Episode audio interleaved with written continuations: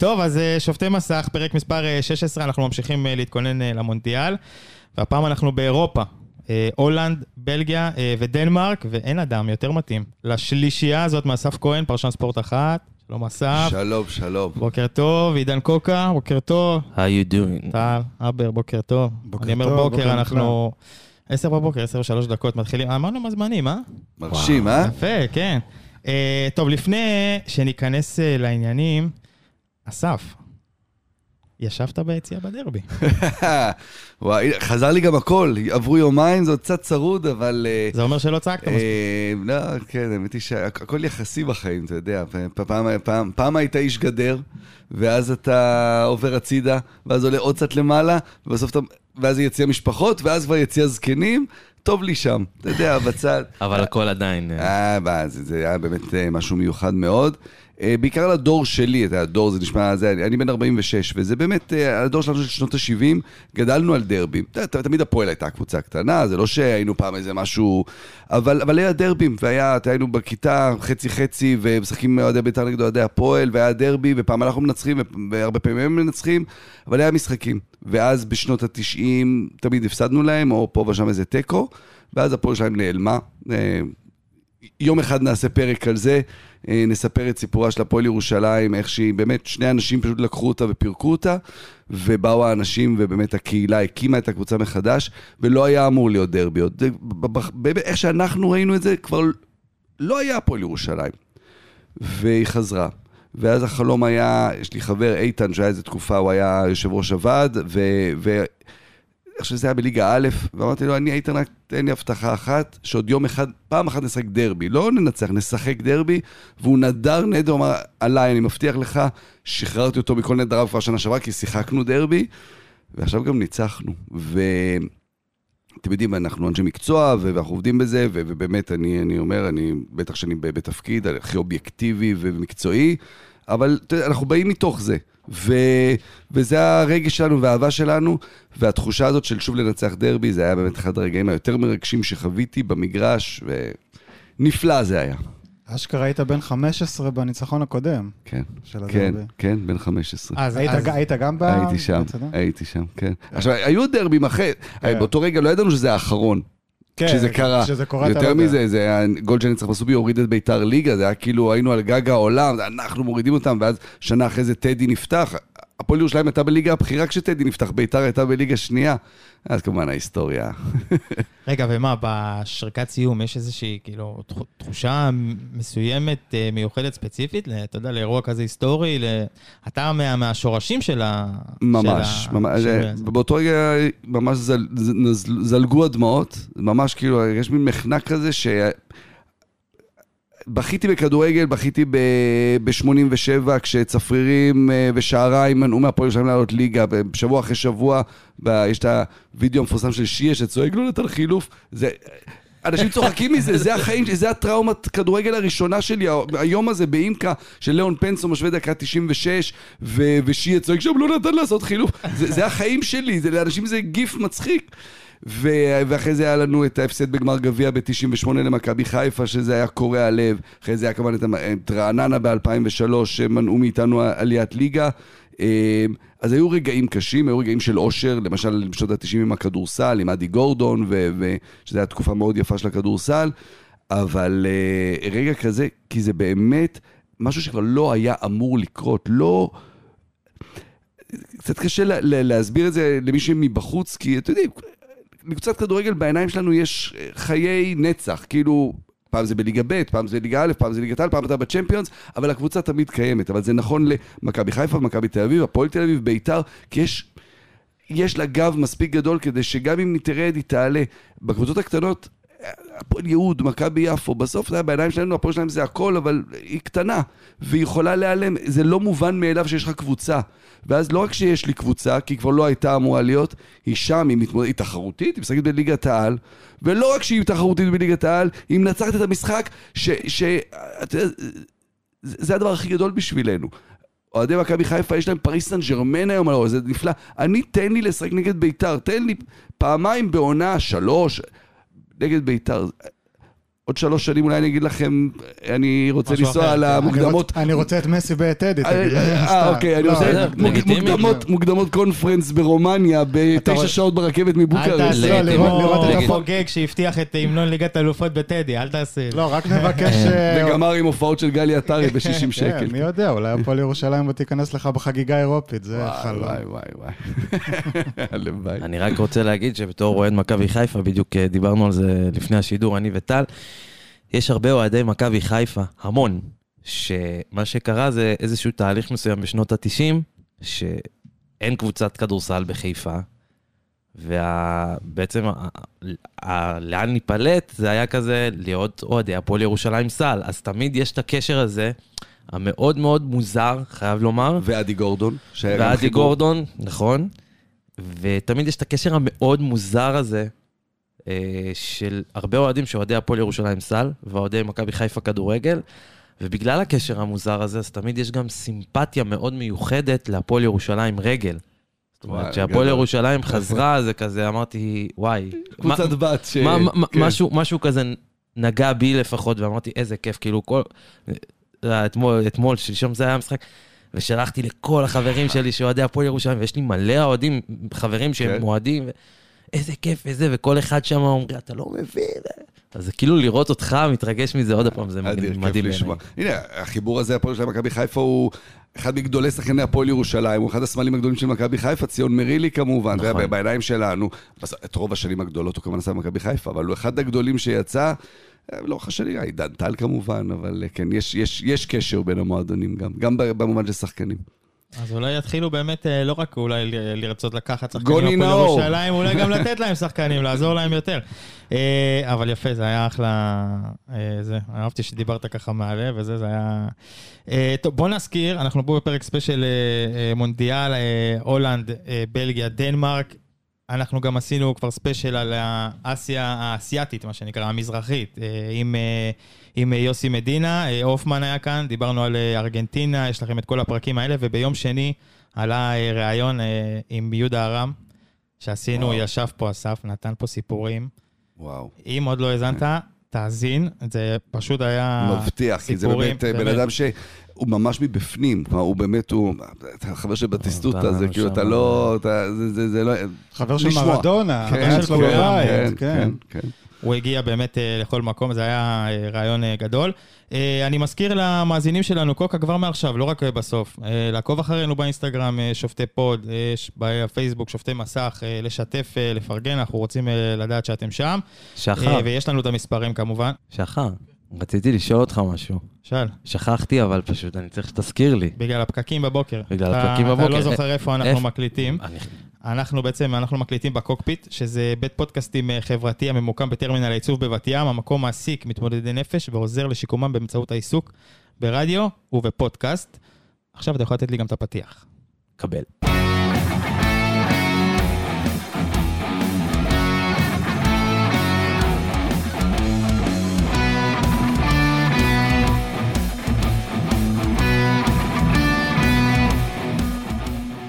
טוב, אז אה, אנחנו מתחילים עם אה, הולנד, אסף. אה, איך לא? להתבקש, כן, לעשות את ה... אם אני כבר פה, הספתח עם הולנד. מבחינה היסטורית, הולנד היא... זכתה בתארים, לא זכתה בת- בתארים, הולנד זה מעצמת כדורגל היסטורית. גמר מונדיאל אחרון ב-2010. עברו הרבה מים בנהר מאז. כן, מבחינה היסטורית, אני חושב שהולנד, כמו שאנחנו מכירים אותה, אורניה, כתום, אה, היא נוסדה ב-74, כלומר באמצע שנות ה-60 היא עדיין הפסידה ללוקסמבורג באיזה משחק מוקדמות, ואז הגיע קרויף, הגיע מיכלס, ובעצם זה ההיסטוריה של הכדורגל המודרני בכלל. אם האנגלים רואים בעצמם כממציאי הכדורגל, הולנד רואה את עצמה כממציאת הכדורגל המודרני, הכדורגל ההתקפי. אה, גמרים ב-74 ו-78 עם הרבה שברון לב. אה, 74, עד היום יש את הוויכוח הפילוסופי הבאמת מאוד מעניין של את מי זוכרים. אה, בספרי ההיסטוריה כתוב מערב גרמניה זכתה, אבל כשאתה מדבר עם אנשים, בטח האנשים שעוד בחיים שראו את זה, הם מדברים על הולנד כנבחרת הגדולה של הטורניר ההוא. חד משמעית. כן, אז, אז אתה יודע, תמיד שאלה כזו, מי הוא המנצח? אה, 78 זה כבר בלי קרויף שפרש מהנבחרת, עם כמובן הסיפורים מארגנטינה, ו- ושם, טוב, זה יהודה רם יודע יותר, אבל מהצד שלו. אה, ואז היה, כמו בכלל, רואים את זה גם אצל אייקס ובכלל אצל הקבוצות ההולנדיות, אבל זה תמיד עניין של דורות. ויש... אה, אה, בסוף זו מדינה קטנה, 17-18 מיליון איש, אז זה לא שאתה יכול כמו גרמניה, צרפת, לצפות שהם תמיד יהיו שם ותמיד יהיו אה, ברזיל, ארגנטינה, תמיד, תמיד יובילו, אלא יש עניין של דורות, ולפעמים יש שנים פחות טובות, ובתחילת שנות ה-80 הם לא היו חלק מהטורנירים הגדולים. 88 כמובן השיא זה היורו. אה, ובהולנד, כמו גם בצרפת למשל, יש הרבה פעמים אה, מנגנון של החרבה עצמית כזאת, של, אה. של אה, פעם זה שחורים נגד לבנים, פעם זה שחקני אייקס נגד אחרים. לקראת, הת... ואז 2010, כמו שאמרתם, כמו שאמרת, הגמר, בכדורגל לא טוב, שזה גם משהו מאוד הולנדי, כלומר, הם שיחקו מאוד הגנתי, ון מרווייק היה מאמן, ולאורך כל הדרך הם עוברים שלב ועוברים שלב, ובהולנד... קוטלים אותם. איזה כדורגל, איך אפשר לשחק ככה, זה לא הכדורגל שלנו, אנחנו לא גאים, אז מה אם הגענו לגמר? זה בכלל לא... לא אנחנו, יותר חשוב לשחק כדורגל יפה ברמה הזו. אם הם היו זוכים? אז אנשים היו קופצים למזרקה, אבל... כן, אבל זה הזוי שהוא אה, מתאר שהם עולים שלב, עולים שלב, כן. עולים שלב, וזה לא, לא כיף להם, זה לא, לא טוב להם, זה לא מעניין אותם. כאילו. אפילו נראה לי יוהאן קרויף אמר שספרד יותר מייצג את הכדורגל ההולנדי מנבחרת הולנד. נכון, בדיוק, ממש, ממש. ואז בגמר בסוף זה היה הרי האצבע ברגל של קסיאס שהוציאה את הגול מרובן ושינתה את ההיסטוריה. אה, ואז איניאסטה כובש ומנצח.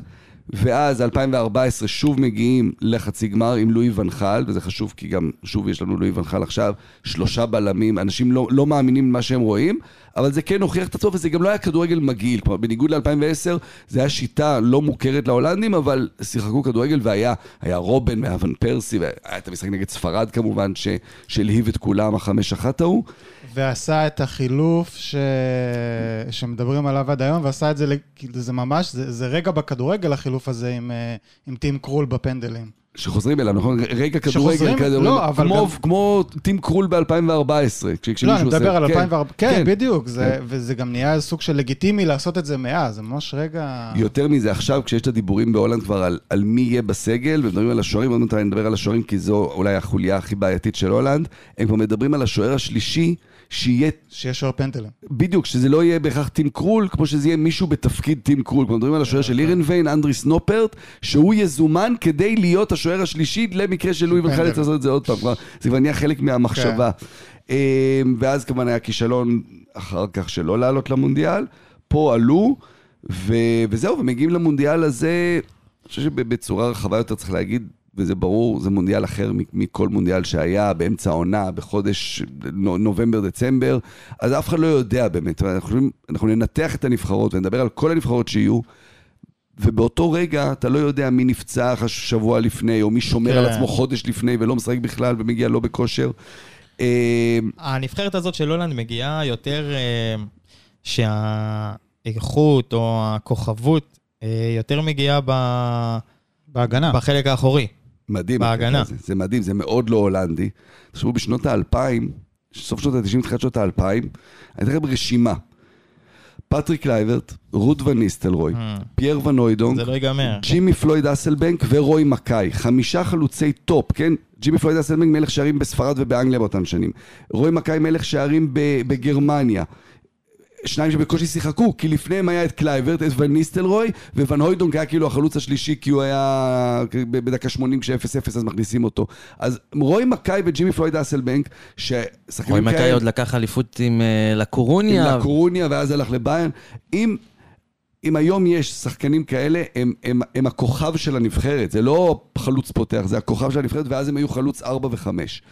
אז באמת השתנה משהו, באמת יש אה, דור יוצא דופן של, של בלמים בעיקר. אנחנו מדברים ו... על ון דייק, דה ליכט, דה פריי, אינדי, יש עוד ועוד. אה, יוריאן טימבר מאייקס, כן. אה, נתן אקה ממנצ'סטר סיטי. אה, באמת דור מטורף של בלמים, ו... לפעמים זה קצת מקרי, לפעמים היה, וירג'יל לא היה אמור להיות, וירג'יל אף פעם לא סומן כלהיות מה שהוא אמור היה להיות. אה, אה, טימבר הוא הדור הבא, אבל, אבל גם פה יש בעייתיות קצת, כי וירג'יל ראינו איך הוא התחיל את העונה, הוא עוד, זה לא זה, זה לא מה שהיה. דה ליכט בין ספסל להרכב בביין מינכן. דה פריי עשה עונה מדהימה בעונה, לפני שתי עונות, עונה שעברה קצת פחות. ואתה קצת שואל את עצמך, אוקיי, מה יהיה עכשיו? אה, בנבחרת הזו, ונחל כבר הודיע, הולכים לשחק שלושה בלמים בטורניר, גם כדי לשחק על כן. החוזק שלך, יש לך הרבה, הרבה בלמים טובים. אה, אני מניח שאקה, אם הוא כשיר, הוא עולה בהרכב כי הוא שמאלי, הוא נותן לך את היתרון מצד שמאל. את טימבר הוא מאוד אוהב, כך גם שזה- את טזה. כן, טזה, אבל אני, אני כבר לא, בגלל שהוא כבר שישי או שביעי, אז כן. הוא נותן את האופציה לשחק גם מגן ימני, טוב, אבל אני לא אנחנו יודע גם אם הוא נגיע יהיה. ל- לחבר'ה האלה. אבל איך זה שבאמת אה, להולנד אין כוכב טופ התקפי? זאת אומרת, איך זה שאולי השחקן ההתקפי הכי בכיר, מה זה? זה ממפיס, כן. והוא שחקן ספסל של נכון. ברסה, ואתמול לא שיחק בכלל, נכון? נכון, זה גם בעיה, גם ממפיס וגם פרנקי דיונג, שהם... השלישייה החשובה זה וירג'יל, פרנקי ו- וממפיס, מתוכם שניים הם שחקני ספסל בקבוצה שלהם. לא, אני חושב אה, על השחקן ההתקפי הכי טוב הולנדי, אולי אני מדבר אולי על אה, גג פה?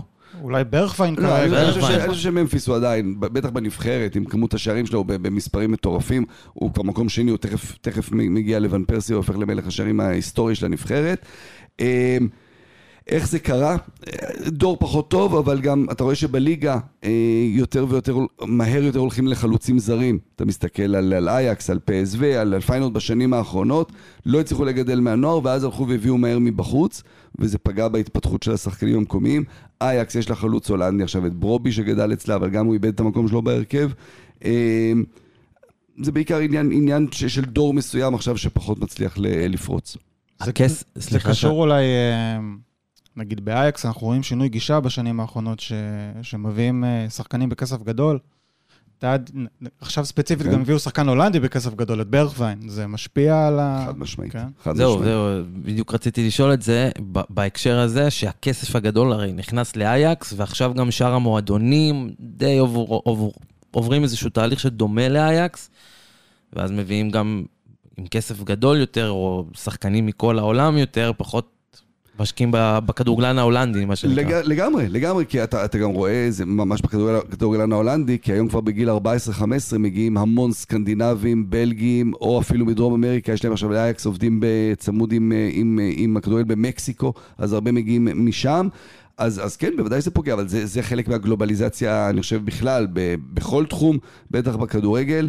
אה, כששחקנים הולנדים בני 16 עוברים לאנגליה, מאייקס, הם עוזבים בגיל 16, אתה, אנחנו אפילו לא מכירים אותם עדיין, ואז כל מיני אקה כאלה, אתה יודע, שיח- הם לא שיחקו, אקה עזב את פיינורד בגיל 16, הוא לא שיחק בכלל בכדורגל ההולנדי, שחקן נבחרת. פעם היה יחידי סגולה, ג'ימי פלויד אסלבנק וג'ורדי קרויף, היו יחידים שלא שיחקו בליגה ההולנדית וכן היו בנבחרת, היום כבר יש לך כמה כאלה. אז יכול להיות שגם זה, זאת אומרת, יש את השיטות משחק של המאמנים, ויש את הסגנון שחקנים שגדלים, אז יכול להיות שגם לזה יש השפעה, זאת אומרת, שחקן שעוזב בגיל 15-16 למקומות אחרים בחו"ל, הוא פחות סופג את ה... נקרא לזה, את תרבות הכדורגל ההתקפית ההולנדי המסורתי.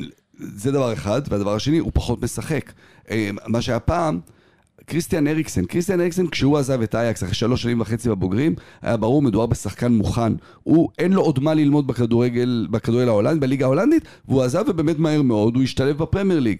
אה, שחקנים היום עוזבים מוקדם מדי, כי זה כסף הרבה יותר גדול, אז הם עוזבים אחרי שנה, שנה וחצי, עוד אין להם את הניסיון, ואז הם מגיעים פתאום, בעיקר לפרמייר ליג או לספרד איטליה, ואין מה לעשות, יש, יש הבדל עצום בין הליגה ההולנדית לליגות האלה, והם לא מספיק מוכנים עדיין. ומי שכן עוזב בזמן, או אחרי שהוא כבר נתן קצת יותר, אתה רואה שהוא כבר יותר, כבר יותר בשל ויותר מוכן להתמודד. בהקשר הזה אני רוצה לשאול על צ'אבי סימונס, שזה דוגמה מעולה, קלאסית, מעולה. שעזב אה, בגיל נוער לברסה, ובגיל, ומנוער ברסה עזב לנוער פריז, והמעבר ל- לבוגרים בפריז ככה ככה, ואז מושל לאיינדובן, חוזר להולנד. והשחקן הכי טוב בליגה. השחקן הכי טוב. בליגה, שישה שערים, שני בישולים בשישה משחקים, זה שחקן שאני מניח שיזומן לסגל. אני לא יודע אם לטורניר כבר. כי לא גם- יזומן למונדיאל אני לדעתך? לא בטוח. אם הוא אני- ימשיך בקצב הזה? יכול להיות, יש שם עדיין את, השאלה הפיזית, האם מבחינה פיזית הוא מתאים? אתה יודע, אני יותר מזה, אני... עד, עד העונה הזאת, זה היה מבחינתי שחקן באינסטגרם. אני לא, אני, אתה יודע, כולם דיברו כמה שהוא טוב, אבל כמה ראינו אותו בעיניים, אתה יודע, פה, פה כמה לא, דבר, בנבחרות נוער ראינו אותו, כן, אבל זה לא אומר. שהוא בא עם... סרטונים שלו ישראל, רצו אני- מהאימונים בברצלונה, סרטונים כן. שלו רצו מהאימונים בפריז עם אימונים, אה, אימונים או נאמר. כן, אבל אתה כן. לא יודע להגיד אם נכון. בנוער מישהו טוב, אז הוא יהיה טוב גם זה בבוגרים. נכון, אבל הוא סומן עוד... אה, לגמרי, ובינתיים הוא מדהים. אני לא יודע כי בתפקיד הזה, בעשר, יש שם כמה שחקנים יותר בכירים לפניו. יכול להיות שונחל ונחל לא אוהב תמיד לקחת את הילד, אתה יודע מה שהוא עשה ב-2014 עם ממפיס, שזה לא היה ברור אם הוא מוכן, והוא אמר בוא איתי לטורניר, וכמו אבא שלו, ובאמת בטורניר הזה זו הייתה הפריצה הגדולה שלו. אה, יכול להיות שאנחנו נראה אותו, אני... צריך גם לזכור שבטורניר הזה גם אפשר לזמן 26 שחקנים, אז זה סגלים קצת יותר רחבים, אז יכול להיות ש... שסימונס ככה ייכנס כבחירה 25-26. האם הוא כרגע השחקן הכי טוב בליגה, בליגה ההולנדית? זה ראוי. כן. אה, עוד אה, שחקנים, אם אני מסתכל על הליגה המקומית, כי בכל זאת, ההולנדים באירופה, אמרנו, אין יותר מדי כוכבים, ההגנה, אה, נגענו. אז אה, הזכרתי את אה, גקפו, אה, סימונס, דיברנו על טימבר אה, מאייקס, טזה מפיינורד. לא, גם מפסו. גם מפסו, סליחה. אה, גקפו, אתה לא חושב שיכול אה, הטורניר הזה... כן, כן, כן. כאילו, בואו תראו מי אני. אה, גקפו כבר כמה, אה, אה, כבר אולי שנתיים שאומרים, אולי יונייטד, אולי זה. גג פה בהמשך למה שאמרנו קודם, הוא השחקן המוכן, הוא כבר בשל, הוא בעצם היה צריך כבר בקיץ הזה לעזוב, אה, היו גם הצעות, היה לידס באו ל... ביום האחרון של החלון, באו עם 43 מיליון אה, יורו, האורטה, המנהל המקצועי כבר היה בהולנד, כבר חשב שהוא לוקח אותו איתו חזרה במטוס הפרטי שלהם, ואז הוא החליט שהוא נשאר עוד עונה, אני מניח שהוא נשאר עוד חצי עונה, הוא רצה להבטיח שהוא משחק עד הטורניר, עד המונדיאל, כדי לדעת שהוא בס... הוא בטוח יהיה בסגל. יהיה מאוד מעניין לראות כמה הוא ישחק, כי ונחל אמר שהוא הולך לשחק אה, שלושה בלמים, ואז יש לו בעצם מקום לשניים מקדימה. שאחד מהם זה ממפיס. זה... כן, זה- זה השחקן יצוא. שלו, זה השחקן מי שלו. לידו, בינתיים, בשנתיים האחרונות ראינו שממפיס, השילוב שלו עם ברכווין מושלם. כלומר, הם, הם משלימים אחד את השני. אה, אני מניח שגג פה לא אמור לעלות בהרכב בהתחלה, אבל, אבל זה כן שחקן שייכנס מהר מאוד, ואם הוא יהיה טוב הוא ישחק. אה, יש לו משהו שאין להרבה שחקנים, אה, אני חושב, הוא, הוא בשל במובן הזה שהוא הוא גם מאוד פיזי, מאוד מאוד חזק, מאוד מהיר, אבל הוא גם קודם מחפש את השער והוא יודע להבקיע שערים. בניגוד להרבה שחקנים צעירים שזה לוקח להם עוד זמן, קצת אולי חוסר ביטחון, הוא כבר שחקן מוכן, והלוואי הוא- הוא גם- והוא יהיה גם משמעותי. פתח את העונה. בליגה. כן, אה, כן, הוא גם מנהיג. הוא הוא הקפטן של פסו בגיל מאוד צעיר. כן, נכון. יש עוד מישהו שמתחבא? ששווה לשים עליו עין? אה, ב- אני חושב שטימבר, ציינו אותו, זה באמת ה... ה- אולי השחקן הכי פחות מוכר, אה, כולם עוקבים אחרי אייקס ורואים בצ'מפיונס, אבל הוא הכי פחות מוכר, אתה יודע, בחור שבן 21 עם אח תאום, עדיין ישן עם אח תאום שלו בחדר של, אה, בבית, בבית אימא, הם הם גרים עדיין ביחד. שחקן העונה בליגה ההולנדית שנה שעברה, כן, עוד ישן בחדר עם אח שלו, שאח שלו עכשיו עבר לפיינורד, אז השנה יהיה לנו אייקס פיינורד בין קרב בין תאומים. אה, אני חושב שכדאי לשים לב אליו. אני משווה אותו תמיד לפרנק רייקארד, לא במבנה גוף, הוא הרבה יותר קטן, אבל ביכולת שלו לקחת כדור מאחור ולהוביל להוביל את, ה, את הכדור קדימה, לקדם את הכדור מההגנה להתקפה, הוא דריבליסט נהדר, סוג של בלם שהוא גם קשר, אז אני הייתי מבקש שתשים מה- לב ליוריאן טימבר. מהדור החדש הזה של הבלמים שעולים עם הכדור, כל עוד יש את השטח, להתקדם, רגועים, מתקדמים, כן. מתקדמים, מתקדמים עד הפס. אה, זה. אה, טוב, אז אה, הולנד, יש עוד משהו לסגל, רגע, חברים? אני, אני, אני רוצה לדבר שנייה, שמגיע לדבר קצת על ונחל, שחוזר לנבחרת. עכשיו, אמרת, אסף, ואני ממש מסכים איתך, אולי אנגליה היא מולדת הכדורגל, אבל הולנדי לחלוטין, בעיניי לפחות, מולדת הכדורגל המודרני. זאת אומרת, ב-74, הטוטל פוטבול הוא הגראונד זירו של הכדורגל המודרני, ורינוס מיכלס ויון קרויף הם השליחים של הבשורה הזאת. עוד דמות מאוד גדולה בפילוסופיה ההולנדית שכל כך השפיעה על הכדורגל זה לואי ונחל, אחד הגאונים הכי גדולים שהיו בכדורגל. עכשיו, דיברנו על 2010, שעם סגנון הגנתי הם חטפו ביקורת קשה מהבית. שאלה, 2014 גם לא היה איזה כדורגל גדול, אבל הגיעו עוד חצי גמר. שאלה אם דמות כמו ונחל, יהיה פחות ביקורת, או יותר הערכה אליו, או איך זה יעבוד עם, ה... עם הציבור בהולנד, או עם ה... צריך לשים את זה גם בקונטקסט היסטורי ולזכור שהם לא היו במונדיאל הקודם. נכון. אז יש גם את ההבנה הזו שאוקיי, רגע, אולי אנחנו לא באמת כאלה טובים, ומסתכלים, אתה אומר, רגע, בעצם הכוכבים שלנו הם גם שחקני ספסל בקבוצות הגדולות, אז יש, יש איזושהי צניעות שמגיעים איתה, גם מצד הקהל. מאוד מעניין הטרנספורמציה שעבר לואי ואן חאל. לואי ואן חאל תמיד, ה... כולם מכירים את הזקן הנרגן שבכל ראיון שלו, מאז ומתמיד, תמיד כועס על אנשים, ו- ואתם מכירים את ה... המחברת, רושם במחברת, במחברת. וביונייטד תמיד עם הקווינס פארק ריינג'רס, כן. ומייק סמולינג, ו...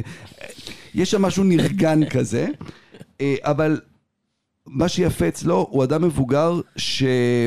ו- ומעטים, אפשר להגיד את זה עליהם, ומי שעושה את זה, זה, זה נורא יפה לראות, שמתקדם עם, עם, עם התקופה. כלומר, הוא לא, הוא, הוא מבין שהדברים שעבדו בשנות ה-90, שהוא לקח את הצ'מפיונס עם אייקס, זה באמת אחד התארים הגדולים, עם אייקס של ילדים, הוא לקח תואר, שאז באמת כולם הסתכלו עליו בהערצה, כי הם היו ילדים, ובשנות ה-90 הכל היה אולי קצת יותר נאיבי, היום אתה לא יכול לדבר אליהם ככה, כמו, כמו אז, הוא פחות מורה, יותר חבר. אתה רואה, כמו סבא חביב כזה? כמו סבא חביב. גם, זה היה- יש קשר למחלה, הוא גם היה חולה לאחרונה. בוא, ו- בוא, בוא, בוא, בוא, בוא נדייק את זה, כי סבא חביב זה מעולה. הוא היה אבא כועס, והוא הפך לסבא חביב. כלומר, זה משהו, איזשהו שינוי דורי, אתה יודע, של, של אבא מחנך וחוסך שבטו שונא בנו, אתה יודע, שלפעמים הוא לא היה מכה אותם, אבל ממש מעניש, ו... ועכשיו הוא הפך לסבא חביב, שהוא מדבר בראיונות, הוא אומר, אני לא מבין מה החבר'ה האלה רואים בפורמולה 1 הזה, זה מכוניות נוסעות מהר, אבל...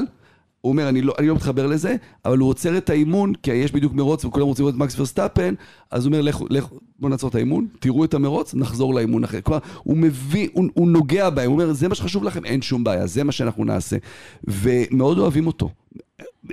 בזקנתו, הוא מקבל את האהבה, את ההערכה תמיד הייתה, אבל הוא מקבל את האהבה שהוא לא קיבל בעבר. שהייתה מאוד חסרה לו. מאוד חסרה, כי אתה- בהולנד גם זה תמיד היה קרויף, והוא נורא רצה להגיד, אני, אני כמוהו, אני, אני, תראו אותי, אני, מבחינת תארים אני לא נופל ממנו. והוא, אה, יש את קרויף, קרויף הוא אלוהים, אף אחד לא יכול להגיע אליו. כן. אז, אז אה, עכשיו הוא מקבל את ההערכה הזו, והלוואי, מעבר לזה שאני אוהד את הולנד ואני רוצה שתגיע רחוק, בשבילו אני נורא רוצה שהיא תצליח, כדי ש... תראו, מדובר במאמן שלקח עם אייאקס אה, צ'מפיונס, שלקח את אלקמר לאליפות הולנד, שזה משהו שהוא... זה באמת ברמת הפה עכשיו, מכבי נתניה תיקח אליפות כן. עכשיו. אה, ו... הלוואי, כי הוא באמת גאון כדורגל, ועשה המון עבור הכדורגל בהולנד ובכלל. יפה מאוד.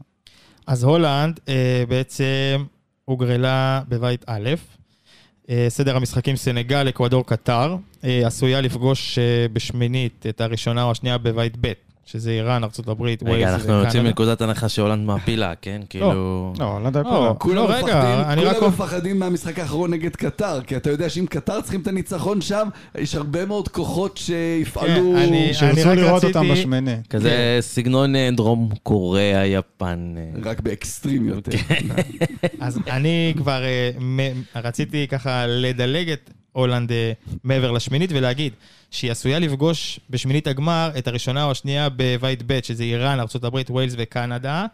אם היא תסיים ראשונה את הבית שלה, בכללי, היא בדרך אמורה לפגוש ברבע את ארגנטינה.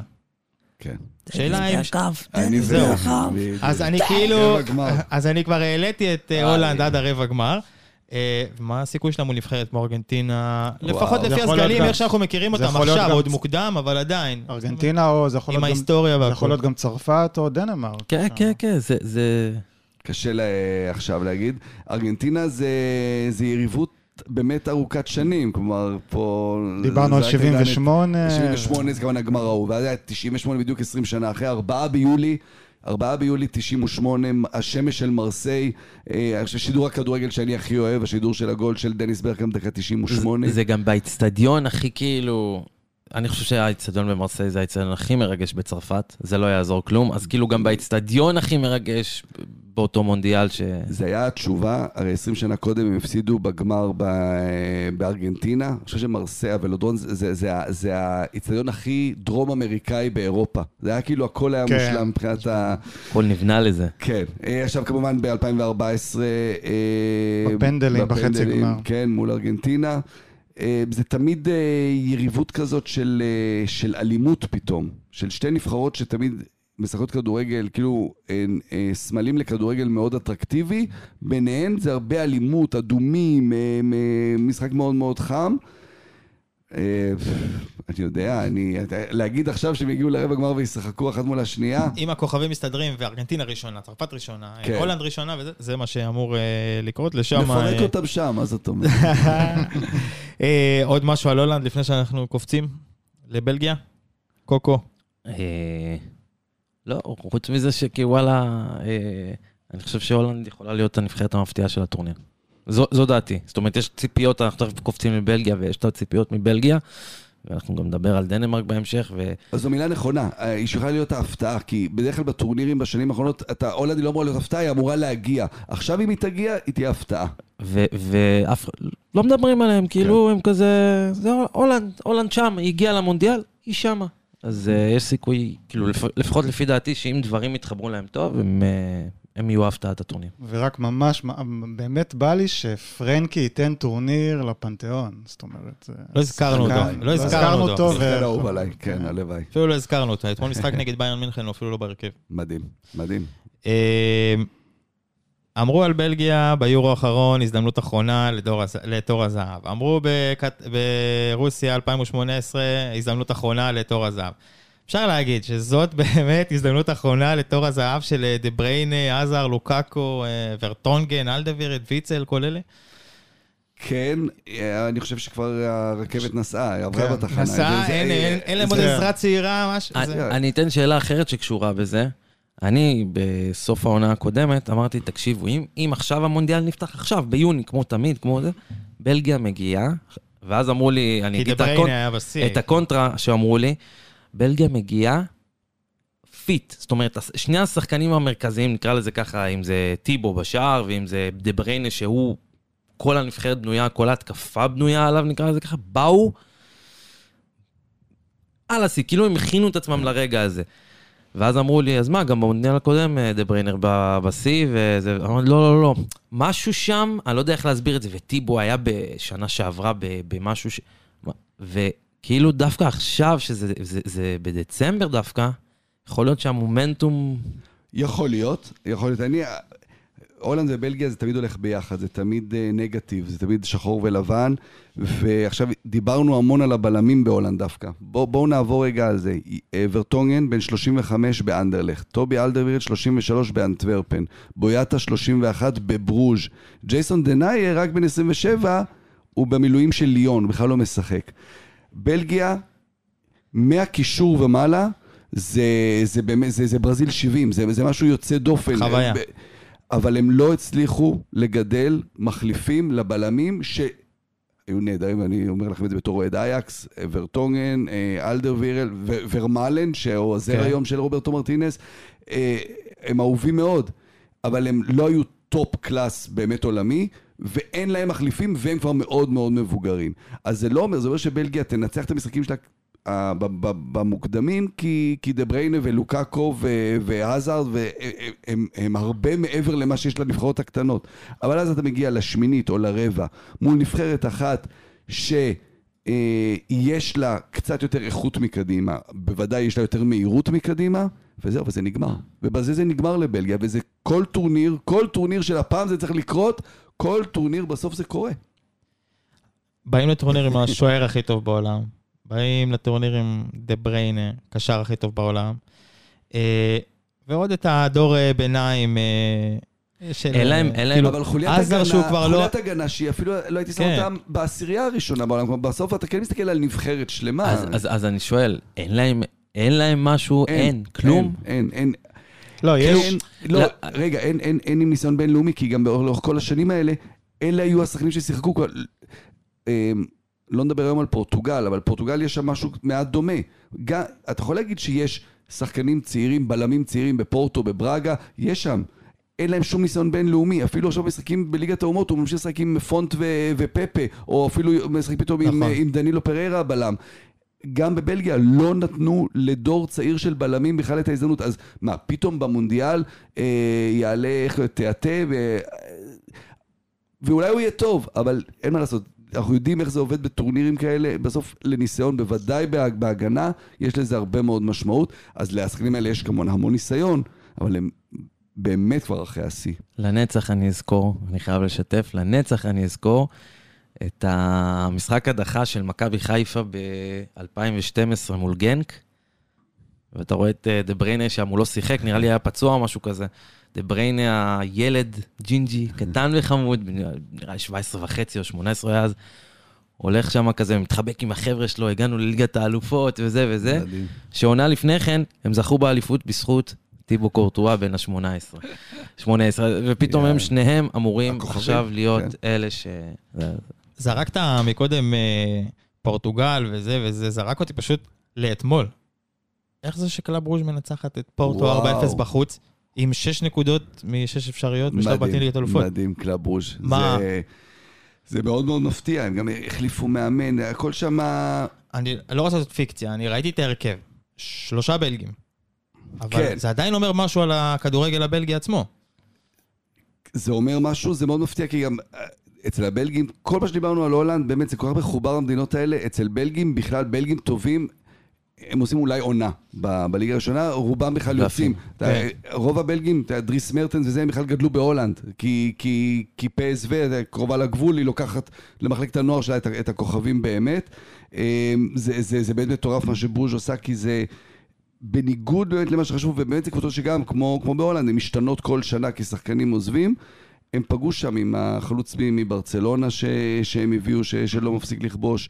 אה, עוד שחקן, אתמול הוא לא שיחק, אבל גם שחקן... פרן ש- אה, נועה- שוטקל, אני לא כן, לא יודע כן. איך להגיד את השם. אה, נועה לנג, שגם לא ציינו אותו בנבחרת הולנד, שגם יכול להיות שם אחד המפתיעים. אה, זה באמת, אה, באמת יפה לראות את זה. אז אם אנחנו נעשה הקשר מברוז', שחקן שעזב את ברוז' בקיץ ועבר למילאן זה שר דה, דה קטלרה, שהוא נחשב באמת הפרוספקט הגדול של הכדורגל הבלגי, וזה יהיה מאוד מעניין לראות אותו במונדיאל הזה. שאלה אם הוא י- יקבל מקום בהרכב ממרטינס. קש- אין, זה- אין סיבה שלא. אה, מצד שני, איפה? כי הוא תמיד? משחק את השלושה בלמים, שניים על הקו, ואז יש את ה... את ה אה, בעצם יש את החלוץ שזה לוקאקו, זה... זה כשכולם כשירים, אוקיי? אז כן. זה- זה לוקאקו, ואז יש לך את דה בריינה, את אחד האחים עזארד, מרטנס שכבר מבוגר, אבל אתה יודע, הם כולם עדיין יש להם את, את המקום כן, שלהם בטח. בנבחרת, קרסקו נגיד על הקו. אני לא יודע איפה הוא משתלב. כלומר, אתה אומר, השחקנים הטובים צריכים לשחק, אבל מה, אז הוא ישחק במקום, במקום עדן או טורגן עזר? אני לא יודע. תראה, ב- כאילו, אה, אני, אני מסכים איתך שה... כשאתה בונה קבוצה, אז לכוכבים יש, צריך להיות את המקום שלהם. עכשיו, בייחוד גם, אה, גם עדן עזר פתח את העונה הזאת יחסית טוב, נכון. אבל... אה, ויש לו מקום אחר בנבחרת, ויש כמו לו- בריאל. לגמרי. אה, יהיה, יהיה מעניין, אולי במקום מרטנס אולי, לא יודע. כן, כן, אז זו שאלה, אבל אם באמת יש זאת אומרת, אה, אבל זה הקטע בבלגיה, הרבה שמות, מעט אה, תכלס. הרבה. שמות, אבל באותם מקומות, באותם תפקידים. כן. זה, אם הם היו מחלקים את זה, במקום איזה, איזה מרטנס כזה, תביא איזה בלם, גם אתה מסתכל על... על, על אה, אה, יש גם את סלמייקרס שמשחק ב- נכון. וג'רמי דוקו, שזה גם שחקן כנף. אתם אומרים הרבה שמות מעט. זה, אבל מסתכל את הקבוצות שהם משחקים- משחקים בהם, אז אני אומר, הרבה שמות מעט תכלס, אבל אה, כן? הלוואי עלינו כזה לא, אה, זה נו, מה. אתה... לא, סתם כאילו, זה... אני... אה, יש סיכוי שאם בלגיה... נניח... נניח היא תעלה לשמינית, כי זה משהו שהוא די סביר, אבל יש סיכוי שזה הטורניר האחרון של רוברטו מרטינז? תלוי בתוצאות כאילו?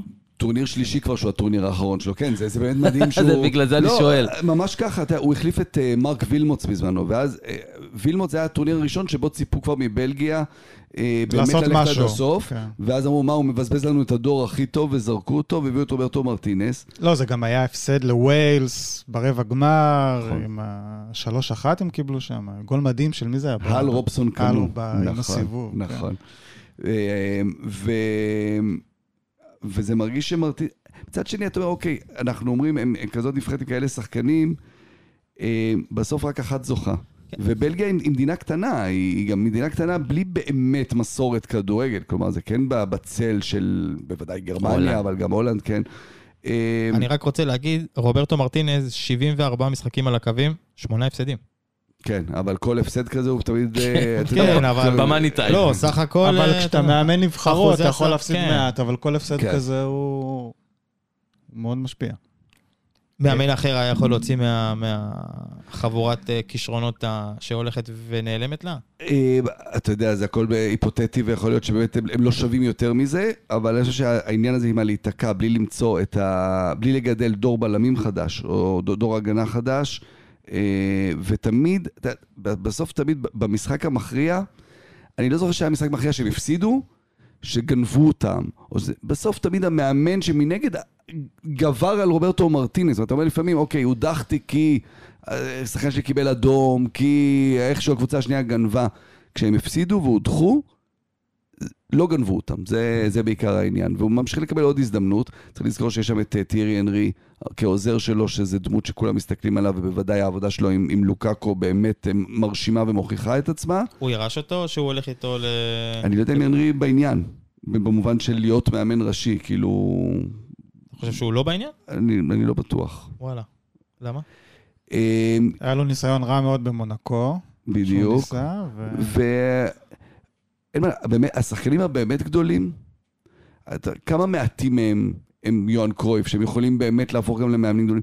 יש את הדבר הבסיסי הזה, שטירי הנרי, אחד מגדולי חלוצי העולם. ממש, זה כאילו, הוא בא מול השוער והוא שם את הכדור בפנים, ואז, לא הוא ספציפית, אבל השחקנים גדולים, ואז הם אומרים, אבל למה, נגיד ון בסטן זה דוגמה בדיוק זה, שהוא היה רואה שחקנים ואומר, אבל למה הוא לא... למה הוא לא זה? למה אתה לא שם את זה? אבל אבל הוא לא ון בסטן, הוא לא, הוא לא אתה. ולפעמים קצת, אני חושב שקשה להם המעבר הזה. אז הנרי כעוזר זינדין זידן הצליח עם זה. זה... אני רואה, ב... אני רואה שגם אה, רוברטו מרטינס הוא גם המנהל הטכני של, אה, של נבחרות בלגיה. יכול להיות שזה גם משאיר אותו גם ב...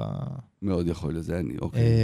אה, בסטטוס הזה. עוד שם בהקשר של נבחרת בלגיה, כי אסף פה, ומי שלא יודע, אסף הוא שחקן fantasy מה- מהטובים שיש. אה, טרוסארד, טרוסר. טרוסארד, כן. אמ, שהוא... הוא- אבל עוד שחק... הנה. הנה, משחקן- בדיוק, ש-. שאין לו מקום, כי... דריבליסט אדיר, אבל ב- אם הוא משחק, אז אה, עדן הזאר לא משחק. או דריס מרטנס, טורגן, או הזאר. אז איפה אתה? המון שחקנים שהם אותו- על אותה עמדה. עדן הזאר לא משנה מה, הוא banker בהרכב. אני מאמין שכן. כן, כן, אה? כן, כן, כן. טוב, נגיד, אה, בלגיה, בית F. מה זה F ב-A, B, C? 6. גימטריה לועזית. אה, לא יודע למה כתבתי בית F. אה, קנדה, מרוקו, קרואטיה, עשויה לפגוש בשמינית את הראשונה או השנייה בבית ז', שזה ברזיל, שווייץ, קמרון, סרביה. אה, על הנייר בית אה, שיכול תשמע, לעשות לה בלאגן. כן. לא לא התכוונתי להגיד אה, בית קל, נכון, התכוונתי נכון. בית של בלאגן, כי קרואטיה אנחנו מכירים, וקנדה אנחנו עוד נדבר עליהם בפרק אחר, אבל קנדה בונה נבחרת יפה מאוד, ויש שם fight אפילו על המקום הראשון, כאילו על המ- על המקום הראשון, כאילו לגמרי. אי אפשר גם לזלזל במרוקו, לדעתי. בכלל לא.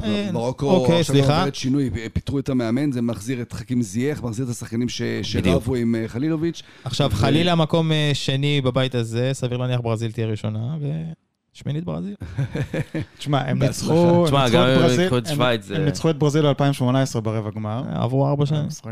אה, כן, אבל ברזיל היא... ברזיל השנה. ברזיל זה- זה אחרת. ברזיל אחרת, כן. אז רגע, בלגיה.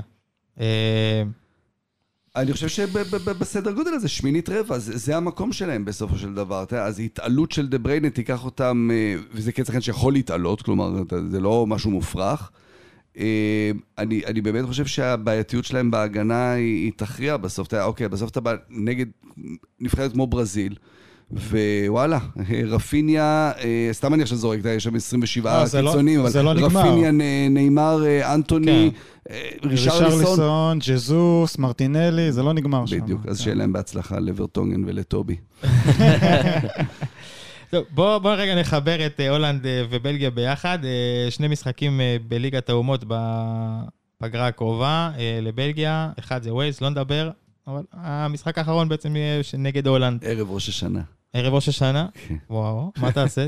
תצפה במשחק? נאכל מוקדם. לנצח אני אזכור את המשחק של החמש-חמש. אה, משחק אימון זה היה. משחק אימון. חמש חמש? חמש חמש ב-99, שמונה, 99 תשע. במרץ, מרץ או אפריל 99, אני זוכר את זה כי זה היה בפסח. והיה חמש חמש ביניהן, שהם, זה היה לקראת, זה היה המשחק שהכין אותם לקראת יורו 2000 שהם ילכו כן. במשותף. וואו, זה היה... וכולם נכנסו אז ברייקארד שאימן את הולנד, לאן, לאן הולנד הולכת? ו... וואו, זה היה משחק. חמש חמש. מטורף. אה, פטריק קלויברט שם אה, עבר את השוער, בא להבקיע ועל הקו נעמד וככה חיכה שהמגן יבוא ואז נתן עם העקב. והמון ביקורת על זה, זה כמו בשכונה, אתם מכירים שאתה עומד, אתה עומד על כן, הקו כן, ואז כן, יורד. ועם הראש מגלגל פנימה, אז הרבה ביקורת הייתה עליו אחרי זה. וואו, יפה שהבאת את המשחק הזה. לא, זה משחק שזכור לי, מהודהד לי בראש. מה עוד אה, מעודד לך אה, בראש, קוקה, מדנמרק, נגיד? וואו. להגיד לך את האמת, כן. תמיד ה-5-0 מהדהד לי ממש ממש בראש. יפה. אמ, וגם את זה, פרובינציאלי משהו. רגע, רגע, וגם את זה שהייתי ילד, חייב לשתף אתכם. כשהייתי ילד, אז אתה מכיר את זה שאתה התחלת לצפות בליגה האנגלית וזה, ו... עכשיו היה מנצ'סטר יונייטד והיה ארסנל. לארסנל היה אה, דיוויד סימן, שוער, ולמנצ'סטר היה פיטר שמייקל. ואתה יודע, אתה עדיין לא כזה יודע נבחרות, שמע נבחרות, ומי שייך לאיפה וזה. וכל הזמן אמרתי, למה השוער הזה לא מוזמן לנבחרת אנגליה? אני לא מבין, אני לא... אתה יודע, אני ילד קטן, אני לא הייתי אז בן... שיונייטד התחילו לזכות. למה הוא לא זה? רק אחר כך נפל לי האסימון שהוא בכלל בדנמרק והוא אה, לקח איתם יורו וזה, אבל זה... אז הנה, דנמרק, זה מה שהיה לי ישר רצץ לי, וכמובן, אה, בריין ומיכאל, אין מה לעשות, זה... כן. נראה לי אה, שחר כיוונת אבל אה, לאירוע אחר, בהקשר של דנמרק. אה, מה? לא, בסדר, לא, סתם אה, שאלתי את סבבה. קוקה, לא, אני ידעתי שהוא יגיד את ה-5-0. לא, אה, זה... זה- אני, אני פשוט לא, לא זכיתי להיות שם, אה, אז אני, יש לי זיכרון אחר, אבל אה, בואו לפני שנגיע אליו, דנמרק, קצת היסטוריה, יורו 92, אה, קונפדרציות ב-95 ראיתי גם, אה, יש, אה, יש דבר כזה. אה, במונדיאל, רגע, אמ- אמרת כאילו יורו 92 והמשכת, זה חתיכת סיפור.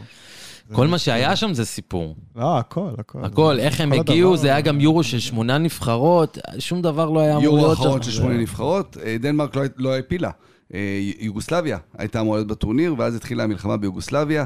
אה, כמו שעכשיו אה, זרקו את הרוסים מהמשחקים, הדיחו את יוגוסלביה ואמרו לדנמרק, אוקיי, שבועיים לפני הטורניר. אמרו להם, אתם, כי הם סיימו מקום שני במוקדמות אחריהם, אתם עולים במקומם. משחקנים כבר בחופש. משחקנים כבר בחופש, נגמרה העונה. ריקרד מולר נילסן, לימים מאמן נבחרת ישראל, הוא המאמן, מביא את השחקנים איתו, אה, מחזיר מחופשה, את השחקנים לא בכושר. אה, הכוכב הכי גדול של הנבחרת רב איתו מיכאל לאודרופ. לא הגיע. עכשיו אני אחזור הגיע- רגע קצת קצת אחורה. דנמרק כמדינת כדורגל היא לא מדינה שעשתה איזה משהו, דברים גדולים בהיסטוריה. תמיד היו לה שחקנים כאלה מאוד מאוד מיוחדים, יאן מולבי, יספר אולסן, סורן לרבי, אה, אבל... תמיד ב, אה, למדו את הכדורגל שלהם מהולנד. שחקנים צעירים עברו להולנד ומשם המשיכו הלאה. וב-86, שם בעצם נוסדה מדינת הכדורגל הדנית. 86, ה Danish Dynamite. אה, הולנד לא הגיעה, לא העפילה לטורניר. Danish Dynamite, הם היו הנבחרת המלהיבה, הם היו כאילו ה total football של הטורניר הזה. הוגרלו לבית המוות בש- בשלב הראשון נגד אורוגוואי, סקוטלנד פירקו את אורוגוואי 6-1, פתאום העולם הרגיש שאוקיי, קורה פה משהו. החלוץ שלהם פרבן אלקייר לארסן, חלוץ אה, ורונה, זכת באליפות, אחת האליפויות ההיסטוריות הגדולות בכדורגל האיטלקי. היה מאמן גרמני, לא? נכון, אז... פיונטק, נכון, נכון. כן. הגיעו לשמ... לשלב הבא, נגד ספרד, אה, באחת ההופעות הגדולות של נבחרת ספרד של אז, ספרד שלא הגיעה לשום מקום עד, עד שנות האלפיים, אה, ספרד של 86 עם בוטרגניו, רביעייה, אה, ניצחו 5-1 ודנמרק הודחה, אבל שם נולדה דנמרק. בכל אופן, 92 הם לא אמורים לעלות לטורניר, עולים לטורניר. אה, עכשיו, הדנים, בגלל שהם, כמו ההולנדים, הם תמיד 4-3-3 תמיד כדורגל התקפי. מיכאל לאודרופ, כנראה השחקן הדני הגדול בהיסטוריה, אפשר להתווכח על זה, אבל מבחינת כדורגל, אה, רב עם מולר נילסן, כי הוא אומר לו, אתה משחק כדורגל הגנתי, לא מתאים לי הכדורגל הזה, אני לא בא לטורניר. אח שלו בריין כן בא, שהיה יותר צעיר, והרבה שחקנים ככה, פטר שמייקל השוער הצעיר, אה, ועוד ועוד ועוד. ומגיע הטורניר, ואתה רואה נבחרת, ששחקנים נופלים ברגליים דקה 70, הם, הם באמת לא בכושר, הם לא באו מוכנים לטורניר הזה, עוברים שלב, מגיעים לחצי גמר נגד הולנד, אז עוד פעם, שמונה נבחרות, שני בתים של ארבע, שתיים עולות לחצי, גמר, ובזה נגמר הטורניר, אחרי זה זה גדל ל-16, 32. אמ, ואז, אמ, ואז בחצי גמר נגד הולנד, הולנד באה באלופת אירופה, טוב, נטאטא אותם וניקח פה את, את הטורניר הזה. אה, 2-2, שבאמת ההולנדים יושבים עליהם, ואז בפנדלים היחיד שמחמיץ ון בסטן, שמייקל עוצר את הפנדל שלו, דנמרק עולה לגמר נגד גרמניה, גם סיפורים שם, אה, קים וילפורט, אה, הבת שלו נולדה בדיוק יום לפני, אז הוא נסע חזרה לדנמרק, הספיק לחזור, משהו, סיפורים שם. ניצחו את מערב יש איזה גרמניה. סיפור כזה עם הכובש, זה כל מיני... אה, זהו, עם כן, הבת, זה... ואז הוא חוזר משהו, וכובש את השער. אה, אז זה בעצם השיא של נבחרת דנמרק. אה, ומאז לאורך השנים תמיד נבחרת מאוד התקפית, מאוד... אה, תמיד 4-3-3. אה, מאוד נאמנה למאמן שלה. היה לה מ-2000 עד 2015 מורטן אולסן, שחקן עבר, בלם, שאימן אותה בהצלחה גדולה.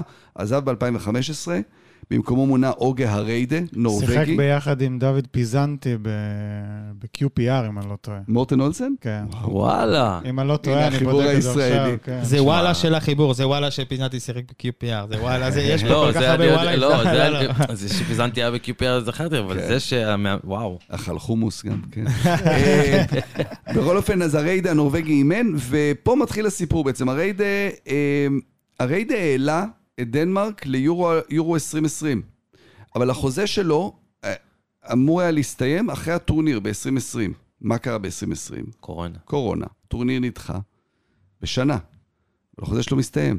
הוחלט שלא מאריכים לו את החוזה, אבל הוא העלה אותם לטורניר, ובמקומו ממנים את קספר יולמן. עכשיו כבר מגיעים לדנמרק של היום. כן. קספר יולמן, מאמן שאימן הרבה שנים בנבחרות הצעירות, אימן קצת ב- בליגה המקומית, אבל אף פעם לא באמת אה, יצא החוצה. והוא ברעיון הראשון שלו, הוא דני, פעם מחליף מאמן נורבגי הריידה, שהוא מאוד אה, שם גדול בס- בסקנדינביה, זכה באליפויות גם בשוודיה, גם בנורבגיה, גם בדנמרק. ואומר, ברעיון הראשון אתם יודעים, עכשיו, אתם יודעים מה זה בכדורגל, תמיד אתה מכבד את הקודם, אתה אומר, אוקיי, השאיר לי נבחרת טובה, יש לי מה לעבוד.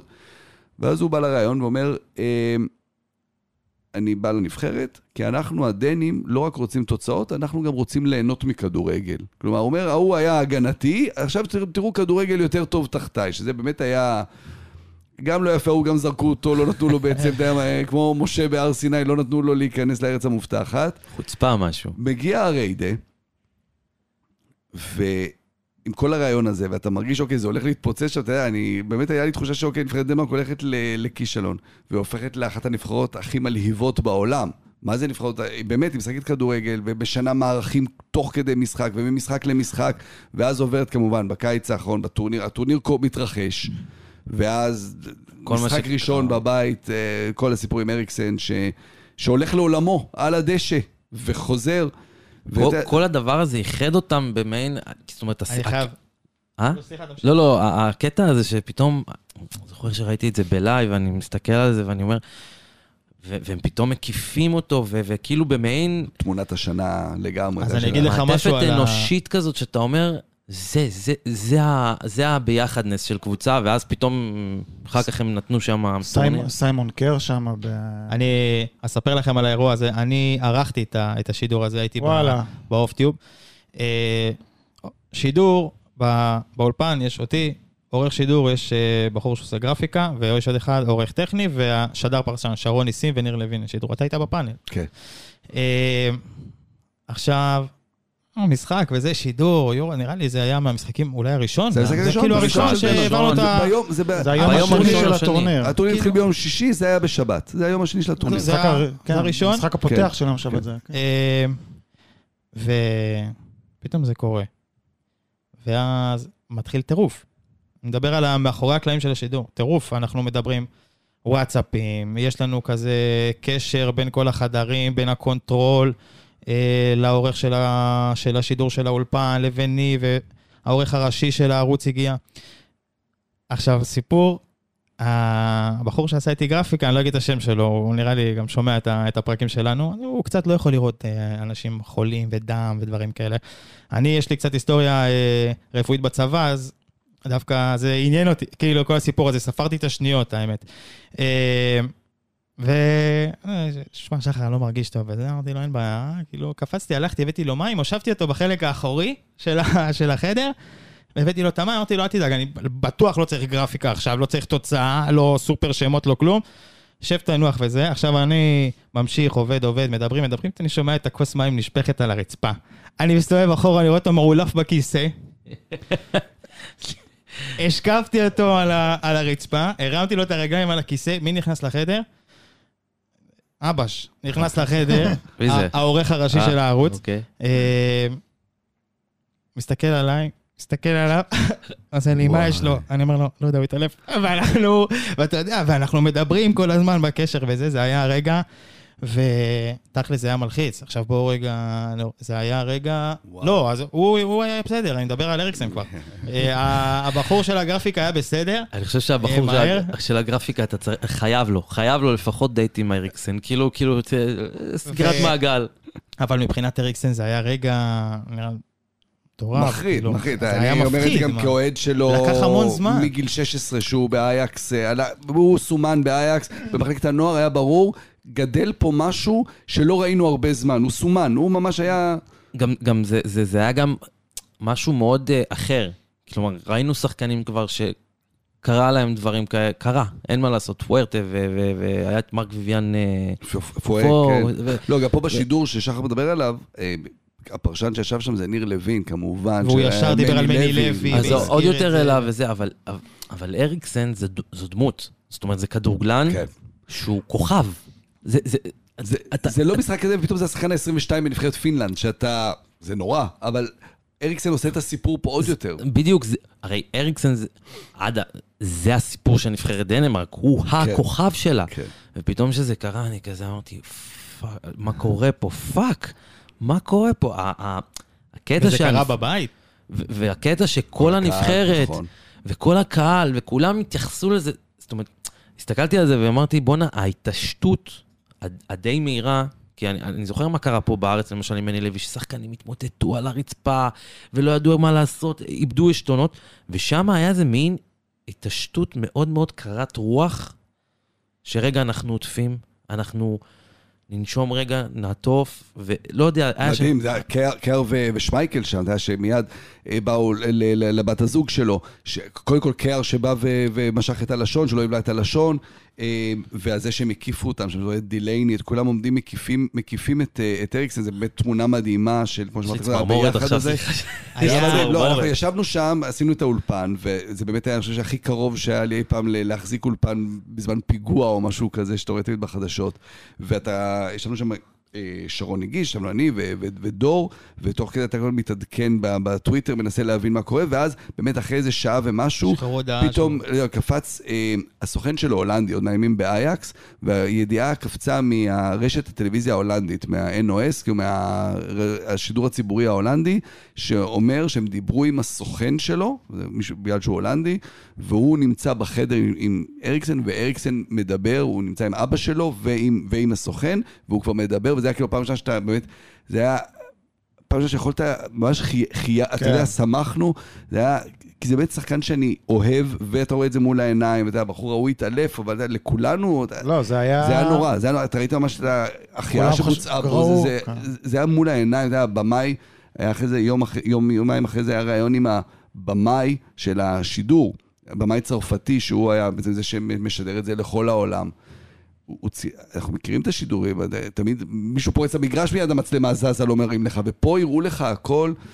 זה היה, ו- ולהשלים הראו את את הסיפור. הכל בהתחלה, אחר כך הזיזו, כן. והייתה איזה חצי שנייה שברחו חזרה, בדיוק כשהוא קיבל את ה- את. השוק חשמל. בדיוק ראו את זה, זה הדבר האחרון שהיה צריך לראות בבית. קופצות. כן. כן. וילדים, נגיד, ישבו, זה היה שע- שעת אחר צהריים, ילדים יושבים בבית, רואים את זה. אתה, זה לא דברים שאתה אמור להיחשף אליהם. ו, ו, ופה הסיפור, הוא היה כאילו מושלם, כאילו, זה כמובן הכל קורה פתאום, אבל בדיעבד אתה אומר, זה היה כאילו מתוסרט, כי היה, זה היה, בסוף זה לקח שעה וחצי של סיפור שמסתיים בצורה טובה, כי יש את ההודעה שהוא בסדר, ואז עוד המשיכו לשחק, היה מטורף לגמרי, זה- איפה אני... כן. לא לא נתפס. אני לא זכרתי שבכלל הפסיד, הם חזרו שיחקו. לא, חזרו לשחק. חזרו לשחק, הם הפסידו 1-0. אה, החמיצו פנדל, כן. הם לא היו במשחק איך. אפשר, איך. אפשר, זה היה... היה על זה הרבה ביקורת, אומר, איך בכלל... אבל אז משם... יותר מזה, כי הם אמרו, אמרו להם, עכשיו צריך לשחק או מחר בבוקר או שאתם מפסידים טכני. עכשיו, אנשים... מה שאתם מפסידים תחשוב טכני. שאתה אה. ישבת בבית מול הטלוויזיה והיית בשוק ולא הבנת מה קורה, אלה אומרים להם, עכשיו תחליטו אם אתם משחקים או לא ותעלו לשחק. זה זה הכי הם ראו לא את ספורט. החבר שלהם מת הכי מול לא העיניים. ספורטיבי זה לא- בעולם. כן. טוב, אה, אבל זה חיבר אותם. ובמקום אריקסן, פתאום עלה מיקל דומסגור. או, ש- זה השם הבא שרציתי. בדיוק, שלא, מי ידע מי יודע לשחק בסמבדוריה, אבל לא באמת היה עוד שחקן. ו, ותחשבו, קבוצה שנבחרת שמשחקת שנים 4-3-3, אה, כשהכל עובר דרך אריקסן, זה שני קשרים אחוריים, זה דילייני ואויביארג, הכדורים לאריקסן והוא מחליט מתי הולכים ימינה, מתי שמאלה, מתי לעומק, ופתאום זה שלושה בלמים, שלוש ארבע שלוש, מערך אחר לגמרי, אין היררכיה של עשר אמיתי, והם הפכו להיות הנבחרת הכי מלהיבה והכי אהובה. אבל מה שאתה אמרת עכשיו על אריקסן, זה גם מה, זה מה שנראה עכשיו? תנו את הכדור לאריקסן והוא ילך ימינה, שמאלה או קדימה? אני חושב שלא. אני חושב שלא כי, כי הנבחרת עברה איזושהי אה, אבולוציה, איזושהי התפתחות, התקדמות, שמבינה שאוקיי, יש פה עוד שחקנים מאוד משמעותיים, עדיין, מבחינה טכנית. ראינו, הוא חזר שנה שעברה לברנדפורד, הוא היה מדהים, עשרה משחקים בהרכב, שבעה מתוכם הם ניצחו. אה, עכשיו ביונייטד הוא כבר ברמה מאוד מאוד גבוהה כמובן. אה, אז הוא עדיין, הוא יהיה העשר והוא ישחק, אבל, אה, אבל זו כבר נבחרת. צריך כן להגיד על דנמרק, שהיא הפתיעה את כולם, היום כבר... כבר בטורניר הקודם, כולם סימנו אותה כהפתעה, וכשכולם מסמנים נבחרת כהפתעה, אז אולי היא לא כזאת, אה, היא אמורה להיות הכבשה השחורה, זה כנראה לא כזאת הפתעה. עכשיו, ואז היא הגיעה לחצי גמר, ודי נגנבה שם, צריך להגיד את זה, שם בחצי גמר מול זה- אה, סטרלינג. אני נטרפתי כן. שם שראיתי את זה. אמ, היום זו נבחרת שכבר מצפים ממנה, ואז נבחרת כזו שהיא בסך הכל אנדרדוג, שיש עליה ציפיות, אני לא יודע כמה רחוק היא יכולה להגיע. אז נגיד אה, בית ד', אה, טוניסיה, צרפת, אוסטרליה, עוד פעם, אם הכוכבים מסתדרים, אה, עשויה לפגוש בשמינית את הראשונה או השנייה בבית ג', כנראה הראשונה. אם דנמרק בעצם תהיה שנייה לצרפת, הראשונה בבית ג' כנראה תהיה ארגנטינה. ו- כן, אני, אתה יודע, צרפת זה מה שעובר עליה עכשיו עם, אה, עם פוגבה וכל הסיפורים האלה, אה, וההיסטוריה שלה כמחריבה את עצמה, אני לא יודע אם כל כך מהר היא תהיה מקום ראשון, אה, ואז אתה יודע, הכל, הכל יכול להשתנות, אבל בבית כזה של טוניסיה, אוסטרליה, צרפת, דנמרק, לא לעלות מהבית הזה, זהו, זה, זה כן. כבר כישלון. יודע, יש, כן. יש ציפיות לאן להגיע, אבל לא לעלות מבית כזה, זה כבר, זה כבר יהיה כישלון. עוד משהו על דנמרק שאתה חושב שפספסנו, שראוי אה, שניגע. אני אני אשמח שתספר לנו קצת על אה, קספר יולמנד, על המאמן. על המאמן. אמ, כן, אז, אז, אז נגענו בעניין הזה של, של, של איש אה, שבעצם לא אימן אף פעם קבוצה גדולה. עכשיו, זה גם היה שאלה, רגע, איך אחד כזה שרק אימן בנבחרות הצעירות, אימן בליגה המקומית, הוא צריך פתאום לבוא ולהתמודד, ודנמרק זה נבחרת של כוכבים, כולם Premier League, אם לא Premier League אז, אז, אז ספרד, איטליה, אמ, להתמודד עם אנשים כאלה, ואני חושב שהוא הרשים מאוד. הוא קנה את המקום שלו אחרי כל מה שקרה עם אריקסן. כלומר, אז, אז, אז, היית- אז ראו מי מנהיג ומי יודע ללכד ולקח, ולסחוב אחריו, והוא ידע, הוא ידע כלפי חוץ לדבר על, על החשיבות של האירוע הזה עבור העם הדני ועבור הנבחרת, וכמה צריך לשים את הדברים בצד, ומצד שני, לבוא ולבנות נבחרת, לתת לה שיטת משחק שונה תוך כדי תנועה, ו, ו, ולהוביל אותה לאן שהוא הוביל אותה. אני חושב שמדובר במאמן על, אבל מאמן על לנבחרות, ויש כמובן פער גדול, אנחנו לא יודעים עדיין בקבוצה אמיתית בטופ איך הוא יתפקד, אבל כמאמן נבחרות, זה נראה לך מישהו שעכשיו יכול להמשיך שנים כמאמן הנבחרת? כן, כי זו דנמרק. ראינו את כן. זה עם מורטן אולסן, מהמם. 15 שנה, שם לגמרי יש את ה... נות- נות- נותנים לעבוד. כן. אה, אגב, מורטן אולסן, חייב תיקון, אה, הוא ודוד פיזנטי שיחקו ביחד באפצה קלן, לא ב-QPR. אה, יפה. יפה. טוב, אתה תהיה בקטאר. כן. פעם כ- כן. כפרשן, אתה בצוות עם אה, יונתן כהן, חברך, ראינו באינסטגרם מה- מה קרה שם, משכבר אה, הימים. מה ומה קרה בטדי. אה, ספר קצת על התחושות, על הרגשות, מתרגש. אתה ויונתן, נראה לי זה בשבילכם איזשהו... זה משהו מאוד מיוחד. סגירת מעגל. חברי ילדות, גם. באמת חברי ילדות. לא, זה מד- אה, זה מדהים שאתם חברי ילדות, ואתם נוסעים ביחד לשדר את המונדיאל. כן. זה- אני חייב להגיד מכל הלב, באמת, לשמוע את שניכם ביחד זה מאוד מסקרן. מאוד. תודה. כן, אה, שידרתם ביחד? אה, לא, לא, לא. אה, זהו. וזה, אתה, אתה בא לבמה המרכזית ופתאום אתה עושה משהו שהוא חדש, עציבות. צריך להגיד, זה לא שאנחנו, מעבר לזה שאנחנו באמת, באמת חברים מאוד מאוד קרובים, זה בלי קשר ל, לעניין המקצועי, אנחנו חברים, חברי ילדות מהיציע, עשינו ביחד את אבל בהסתדרות, זה היה הפנזין של אוהדי הפועל ירושלים. עבדנו ביחד במקומון, זה בשנות ה-90, ו... אנחנו חולקים כמובן, במסגרת, כמו שכל אחד יודע, חברים טובים, אז אה, הדברים המשמעותיים שאנחנו מדברים עליהם זה כדורגל. כמובן, אנחנו חולקים הרבה מאוד תובנות ואהבת כדורגל וראיית הכדורגל די עין בעין, בהרבה מאוד אה, מובנים. אה, אז זה דברים שאמורים לעזור לנו, אנחנו מאוד משלימים אחד את השני ביום-יום, אז אני רוצה להאמין שזה גם יהיה בשידורים. אה, זה, זה, זה, זה מדהים, כי זה, זה מרגש בצורה, קודם כל להיות שם ו, ולעבוד בדבר הזה ולקבל את ההכרה ואת ה- אה, הערכה שאתה יודע, שאתה עושה משהו שיש מי שאוהב את מה שאתה עושה, ללכת ולעשות את זה עם, עם החבר הכי טוב שלך זה, זה בכלל. מושלם. לא, זה באמת מושלם, כי אתה בתור ילד, בתור ילד אוהד כדורגל, אה, אתה רואה את המשחקים בטלוויזיה, ואתה תוך כדי משדר, מפרשן לעצמך. אם יש חבר טוב ליד, אז עושים את זה כזה ביחד, ופתאום אתם באמת עושים את פתאום זה. אתם מגשימים את ב- זה. וגם במונדיאל, במונדיאל, זאת אומרת, אין יותר גדול מזה, איזה כיף זה, יאללה. אז אה, טוב, אני מניח שיונתן ישמע את זה, וידע שגם אנחנו אה, שמחים בשבילו, וגם מסוקרנים מאוד לשמוע אותו. אני, אני מת עליו, ממש. אני חושב שהוא מגיש אה, טלוויזיה חבל על הזמן. שדר גם, מעולה. כל, החלטות דבר? יאללה, החלטות דבר. אתה, אתה רוצה כבר להתחיל או לא? אה, אתה יכול- בסדר, בסדר, כן? אני אתן. שוט. אני- מרגיש? כן, כן, אני חשבתי מה, מה ואיפה, והמלצות וזה, ובסוף החלטתי ללכת, זה אולי יישמע קצת אה, מתייפייף, אבל אה, חשוב לי דווקא בגלל שיש פה, אתם נותנים לי את המיקרופון ונותנים לי את, הבמה ואת המקום. אה, בואו נהיה כולנו לפעמים קצת יותר רגועים, קצת... זה עולם של, של רשתות חברתיות ולכל אחד יש דעה וחשוב שתהיה דעה וחשוב להשמיע אותה וכנראה שכשאתה משמיע את הדעה אז גם יש אחד לפחות או מאה או אלף או אלפיים שמקשיבים ו, ויש לנו בניגוד לפעם שהיה רק הקריין בחדשות או השדר של המשחק או רק הדעה שלו הייתה נשמעת ואז מתווכחים עליה, היום זה כבר לא ככה. כלומר, יש פודקאסטים ויש תוכניות רדיו ויש, לכל אחד יכול להגיד את, את, את, את הדעה שלו ואת העמדה שלו, ויותר מזה, בטוויטר, פייסבוק, אינסטגרם, כל אחד יכול להביע ולהגיד. ו, ו, ויש לנו אחריות, כן, ברור שלכתב בחדשות, או לשדר או לפרשן במשחק, אנחנו מדברים על ספורט, אז יש לו יותר אולי משקל, כי יותר אנשים שומעים, וכאילו מעריכים יותר את, אולי את מה שהוא אומר. אבל כל אחד שיושב מאחורי המחשב שלו, וסתם מעליב מישהו אחר, אה, ההוא שחקן זבל, וההוא גרוע, ואתה אתה אוהד מכבי חיפה, אז אתה מנרמל יחסי מין עם קטינות, ואתה מכבי תל אביב, אז אתה, אתה גרמני, ואתה הפועל תל אביב, אז אתה שר שירי שואה, ואתה קטמון, אתה לא הפועל שלך, אתה קטמון, אז אתה מתנשא, ואתה בית"ר, אז אתה גז, גזען. די, כאילו, יש, נכון, כל הסטריאוטיפים האלה הם לא באים משום מקום, כל מה שאמרנו פה, יש כאלה שהם גם כאלה. אבל לא כל אחד הוא כזה, יותר מזה, רוב האנשים הם לא כאלה. רוב האנשים הרוב המוחלט של האנשים הם לא. הם בדיוק כמוך. הם בדיוק בדיוק כמוך.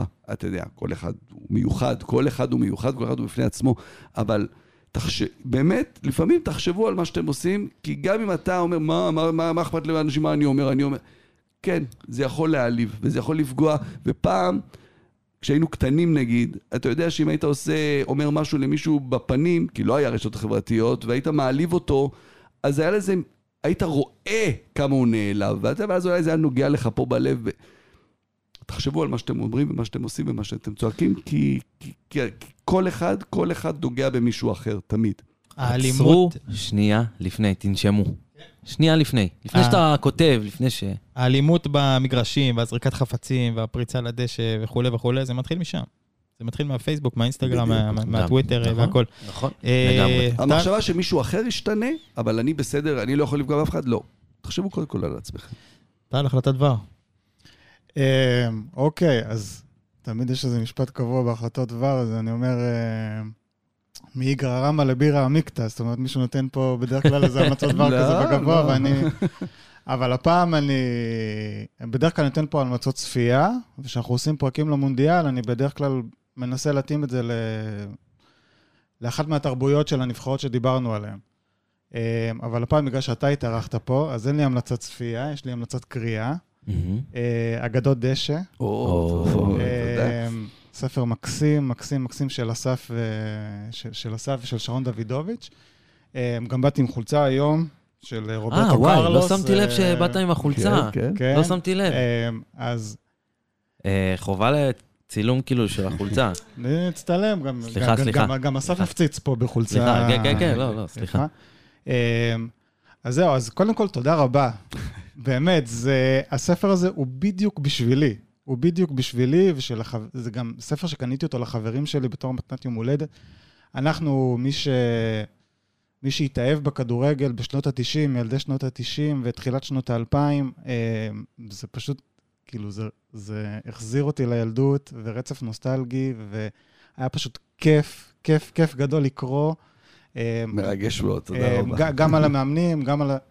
נדבר על הגוארו, שלא נכנס לחמישים, אבל אה, בסדר. רגע, בספר האחרון על ה... החטא הקדמון. בספר החדש אתה כתבת?